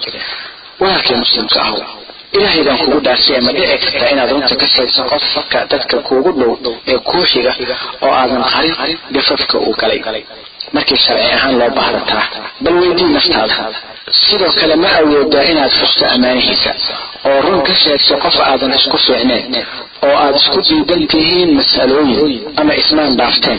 Aniguna idinkama doonayo jawaab laakiinse xaalka maanta waa in dad badani ay dulmi ka galaan dadka is hayaan oo ka sheegaan waxaan jirin oo qariyaan xasanaadkooda oo sidoo kale dulmiyaan saaxiibadood oo ku ammaanaan ammaan ayaan lahayn taasoo soo gelaysa beenta qishka iyo khiyaanada qofkii kugu ammaano ammaan aadan lahayn waa qofku aflagaadeeyey waxaadna ogaataan in qofka sameeya wanaagga badan ee khayr badan fala. Ay gar tahay oo la gudboon qof waliba inuu iska iloobo gafafkiisa iskana indha tira ceebihiisa waayo qof ceebka saliina ma jiro. Waadna garanaysaan xadiiska leh idaa balaqa almaau qullatayn lam yaxmil ilkhabas haddii ay biyuhu gaaraan qullatayn ma najaasoobaan ee alla ka baqa walaalayaal oo dhiga dadka booska ku habboon. Muuse nabigu sala allahu calayhi wasalam ku ammaanin najaasi cadaaladiisii isagoo weli gaal ahaan islaamin ee walaalkay gacalka ahu walaashay qaalida ahi garsoor oo cadaalad samee oo haddii ay hawo nafs kaa xoog fadhiso cisha carabkaaga sawir kale laba nin baa dooday dood cilmiyeed. Markaasay kor u dhigeen codadka oo wejiyadooda cadsaadeen. Cara darteed oo bilaabeen inay iscaayaan waxaan ku idhi caradiyo ayda ma aha asluub wanaagsan ee loogu hoyliya xaqa. Laakiinse imise qof oo degan dabcisan dul badan dadwad leh oo carada liqa baa kaga awood badan khayrkii uhoylinta xaqa. Walaalahan qaar ilaahay ha noo wadi dambe dhaafay waxay qabaan in oo khayraadka diinta ay ku qasbayso inuu muujiyo caro oo indhaha casay oo camanka buuro kor yeelo codkiisa taasna ma aha edegta caalimka iyo sida abaarta ah. In la isku khilaafo ra'yiga oo aragtida kala duwanaato waa inayan keenin isnac iyo isgoon iyo isxasad iyo isximin iyo uurka wax laysugu hayo waxna layska sheego. Muslimiintuna waa inay isku saf yihiin isgarab taagan yihiin laakiinse shardi ma aha inay isku ra'yi yihiin. Dadku way kala ra'yi duwanaan karaan qof walba waxbuu qabi karaa laakiinse waa inay danahooda iyo masaalixdooda wada ilaashadaan cadowgoodana meel uga soo wada jeestaan. Eeleh mushrikiin gaalo yuhuud kiristo munaafiq iyo wax la mid ah. Waxaa qof waliba saaran inuu doono oo raadsa xaqa oo dalbo ma aha inuu ku fakero argoosi iyo imaraadis iyo aflagaado iyo oorxumi iyo dhabar isu oo hadalka la kala goosto markii laiskhilaafo ogsoonowna qof kastoo ka adag carabkiisa waxaad ka arkaysaa wanaagga camaladiisa kale oo dhan. Bal eegna edabtan sare iyo falkan suuban iyo asluubtan wanaagsan. La doonayo in la ogaado marka la wada hadlayo. Wuxuu yidhi cataa ibni abi rabaax waxaa dhacda inuu wiil iiga waramo arrin aan u dhagaysto sida inaan weligay maqal waxaana maqlay intuusan dhalan ka hor bal eeg edabtaas sare iyo asluubtaasan iyo sifadaas wanaagsan ee salafkii. Walaale walaalay markii uu qof kula hadlayo u dhegaysa si fiican. Oo u raaricay dhagaha hana ka kala goyn hadalka markii uu dhammeeyana oo hadal damacdo degani waxa ugu sheeg oo uga dhaadhici uurkan ayaan wax laysugu qaadin ugu dambeyn waxaa ka mid a sifaalaha fadhiyadeena iyo sawirka golaheena. Waana tan ugu khatarsan ay ku dhacaan dad badan in carabka loogu furo xargaha oo loo sii daayo xalaaleynta iyo xaaraameynta wixii uu doono iyo kujeesjeeska iyo qiyaasashada diinta ka jawaabidda su'aalaha diiniga cilmi la'aan. Tani waa nooca ugu khatarsan ean aragno maanta inay ku faaftay fadhiyada muslimiinta. Waxay ahaadaanba rag iyo dumarba weyn iyo yar. Gaar ahaan waxay ku faafsan tahay arrinkan dhallinyarada iyo caamada dhexdooda. Waa mas'alada xalaaleynta iyo xaraameynta iyo kujeesjeeska iyo qiyaasashada diinta iyo uga hadalka diinta ra'yi iyo caqli cilmi la'aan sidaa darteed waxaad arkaysaa qolooyin ku degdegaya xalaaleynta iyo xaraameynta iyo ka hadalka diinta cilmi la'aan. Allahna wuu reebaytaa oo wuxuu yidhi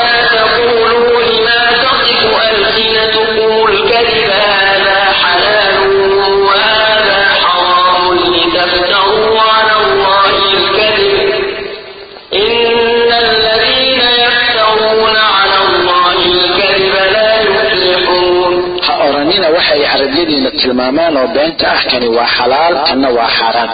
Si aad ugu been abuurataan alleh xaqiiq kuwa ku been abuurta alleh marnaba ma liibaani doonaan horaankii subana ee ummaddan iyagoo aqoon badan u leh diinta iyo faham fiican way iska dawri jireen inay bixiyaan xukuumad diini ah oo badan oo wax xalaaleeyaan waxna xarimaan iftoodaan ka waramaan mas'alooyin aqoon la'aan. Taasina waxaa sabab u ahaa waraca iyo alla ka cabsigooda wuxuu yidhi alimaam maalik allah u naxariiste ma ahayn arrinka dadka iyo waxay yaqaaneen horaankeenu suubanaa ku degdegidda fatwada iyo ka jawaabidda su'aalaha diiniga ah soomana gaarin axad ku daydo oo yidhaahda kani waa xalaal tanina waa xaaraan kuma ayan dhici jirin taa ee waxay oran jireen waan necabnahay waxa kani? Tan baan u aragnaa inay fiican tahay. Tan baan iska jirnaa. Tanse ma aragno. Mana oran jirin tani waa xalaal tanina waa xaaraan intaas ayuu ku soo gunaanada hadalkiisii. Uu ku xusay kitaabkiisa jaamicu biyaan alcilmi wafadli inagose waxaynu ka maqalnaa weerooyinka xalaaleynta iyo xaaraameynta carab kasta gaar ahaan caamada cilmi la'aan alla ka cabsi la'aan iyagoon wax daliila u hayn mas'alada ay ka hadlayaan arrintaasoo ah iftiraa iyo in alle lagu been abuurto oo laga sheego wuxuusan oran. Muuqaal kalena waxaa weeye inay dadka qaar oo ardaala ku jeesjeesaan qaar ka mid axkaamta diinta oo qoorsadaan saalixiinta iyo dadka wax waansoo wacdiya oo fidiya kheyrka iyo qowlka alle iyo rasuulka. Waa intaasoo ku jeesjeesaan midkood oo hadal xun ka yidhaahdo xijaabka dumarka uu faray alle. Ama ku jeesjeesaan garka ama marada la gaabiya si ayan u gaarin xanqowda. Kuwaasoo dhammaan ay fartay diinta ragga iyo dumarkaba. Kuwaasina wallaahi waxay ku sugan yihiin halis iyo cid kastoo ku jeesjeesa wax ka mida diinta markii uu qof yidhahda kelmad uusan ka fiirsan wuxuu ugu sanbirixdaa naar uu kaga soo duulaya meel u jirta masaafo ahaan inta bariga iyo buwaxda isu jiraan. Weyn maqal kuwaa qowlka alle caza wajalla weylun likulli humazatin lumaza oo macnaheedu yahay hoog waxaa leh mid kastoo wax kaga sheega dadka hortooda oo caaya ama ceebeeya ama hadal xun kula hadla iyo kan xanta wax ka sheega isagoo maqan marka waa inaad wax ka sheegin cidda haddii uu kula joogo iyo haddii uu kaa maqan yahayba. Ma weyn maqal kuwaa qowlka alle jala wacala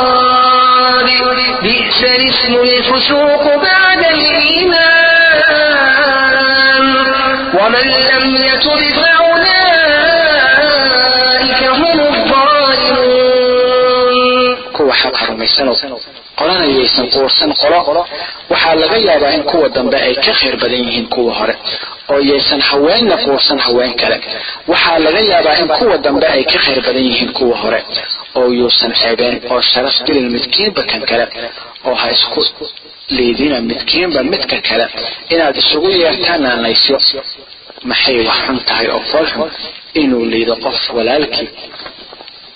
Kadib markii uu yeeshay iimaan kii aan toobad keeninna markaas kuwaas baa dadkii ah dhaalimiin ma wayan maqal kuwa qowlka alla weyne jala wacala maa yalfidu min qowlin ilaa ladayhi raqiibun catiid erigii oo qof yidhaahdaba waxaa la jooga mid u diyaarsan oo sugaya yani malag qoraya subxaana allah ma waxaa ka qarsoonaaday aayadaha qur'aanka iyo axaadiista nebiga sala allahu calayhi wasalam ma waxay moogyihiin khatarta ay leedahay ku jeesjeeska diinta waxaa laga yaabaa in midkood uu kaga baxo diinta kelmad qura uu yiri isagoon dareensaneen qof kastoo caaqila waxaa saaran inuu la socdo zamankan ceshaga carabkiisa raacdo danihiisa dantii moogana mala duug horteeda ayuu dhammaadaa cibaadayso.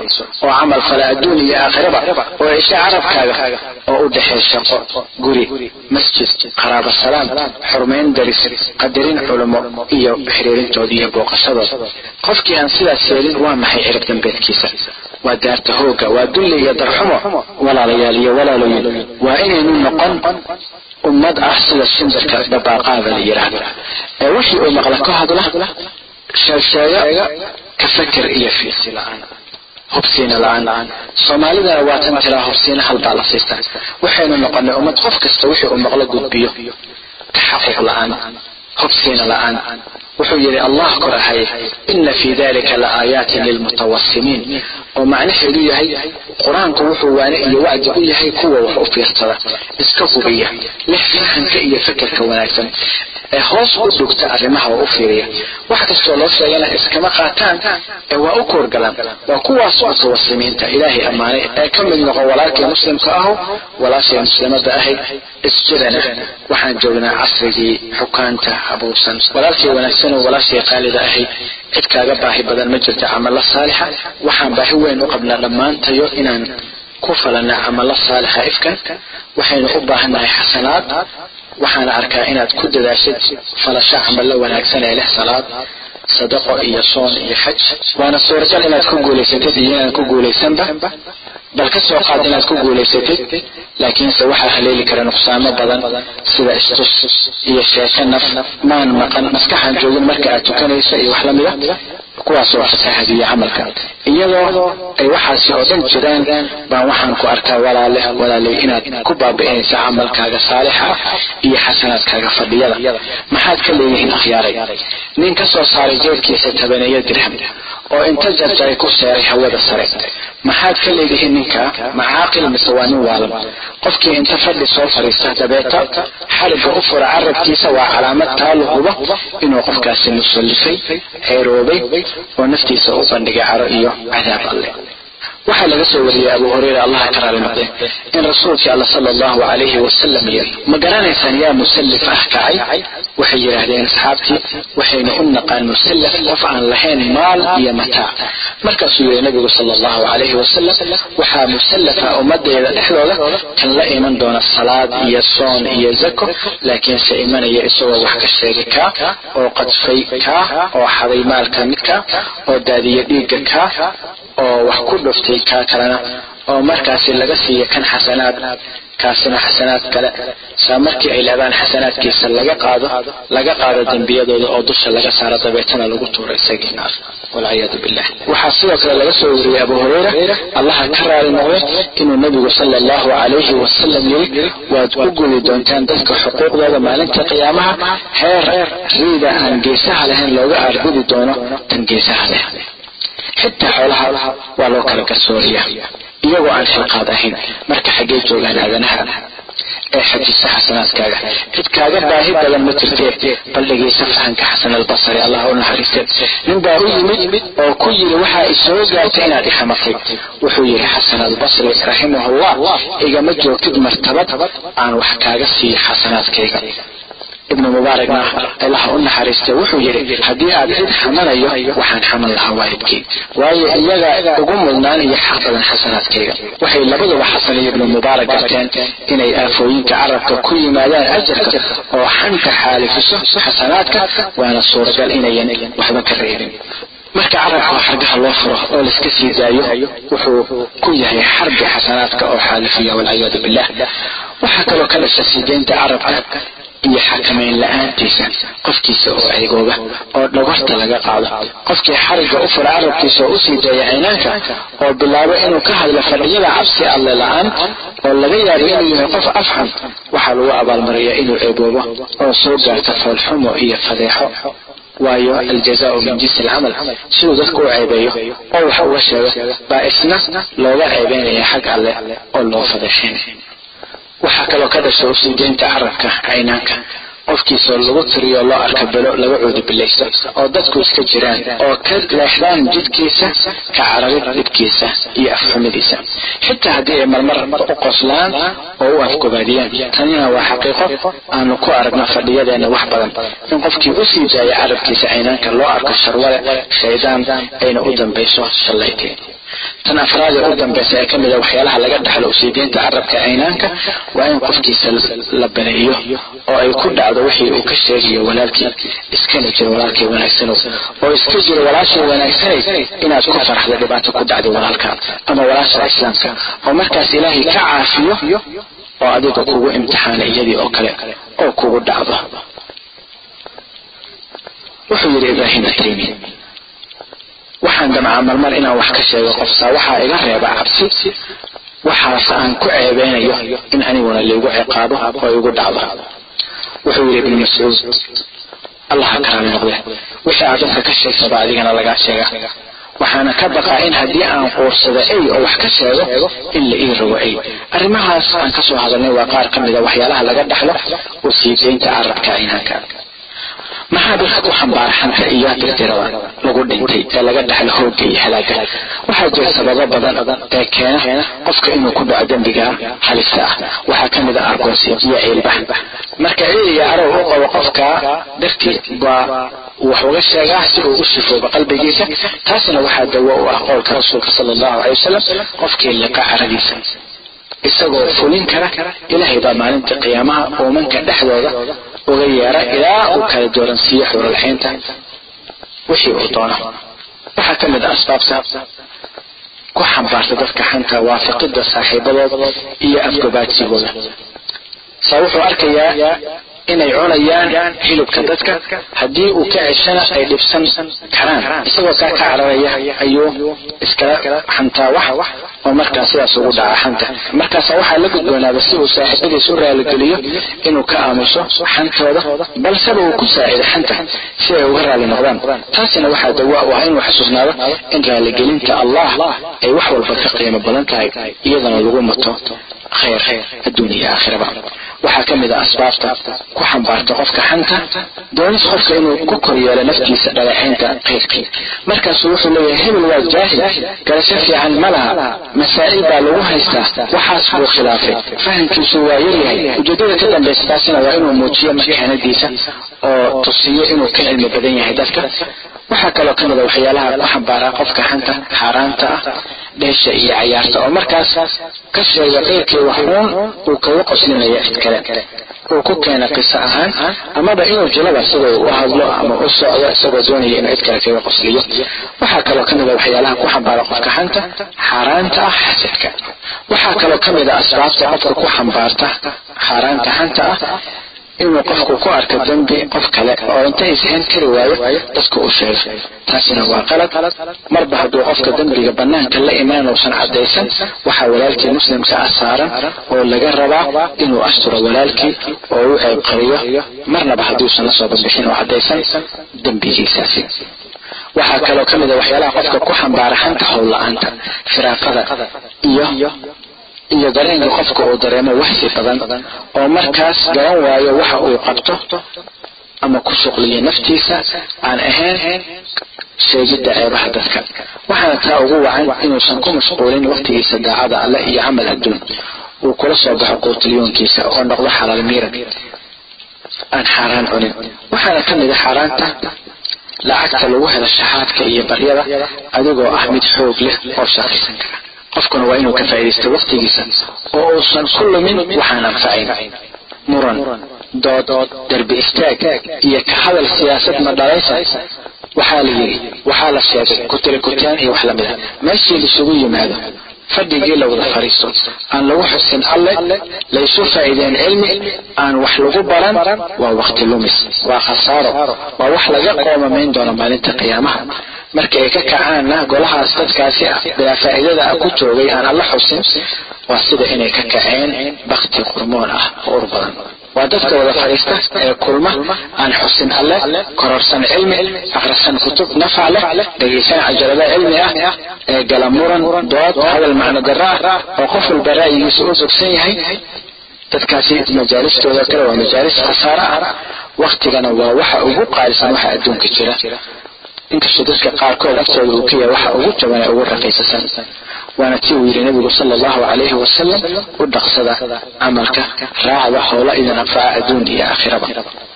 Marka haddaad eegto dadkaasi aan qiimeyn waktigooda ha ka yeelin oo ka jeeso oo ka tag. Waxaan ku dhahdaa mar rabna dad naga lumiya waktiga waayo waktigu waa qaali wuxuuna leeyahay qiimo cumar allaha ka raali noqdo wuxuu yidhi waa necbahay inaan arko qof aan u shaqaysan adduun iyo aakhiraba. Howllaawo ah aan waxna qabsan. Howlaawayaal ah haweenkuna ma ahaba inay guursadaan nin howlaawo ah haddii kale waa hoogayaan ka waran dadka aan camal lahayn adduunka iyo aakhiraba aan u camal falan. Xageebaad dhiga lahaydeen xageebaad geyn lahaydeen kuwaas kale. Imaam maalik wuxuu yidhi asfal saafiliin. Halka liidata ee hoose meesha u liidata ee u hooseysa.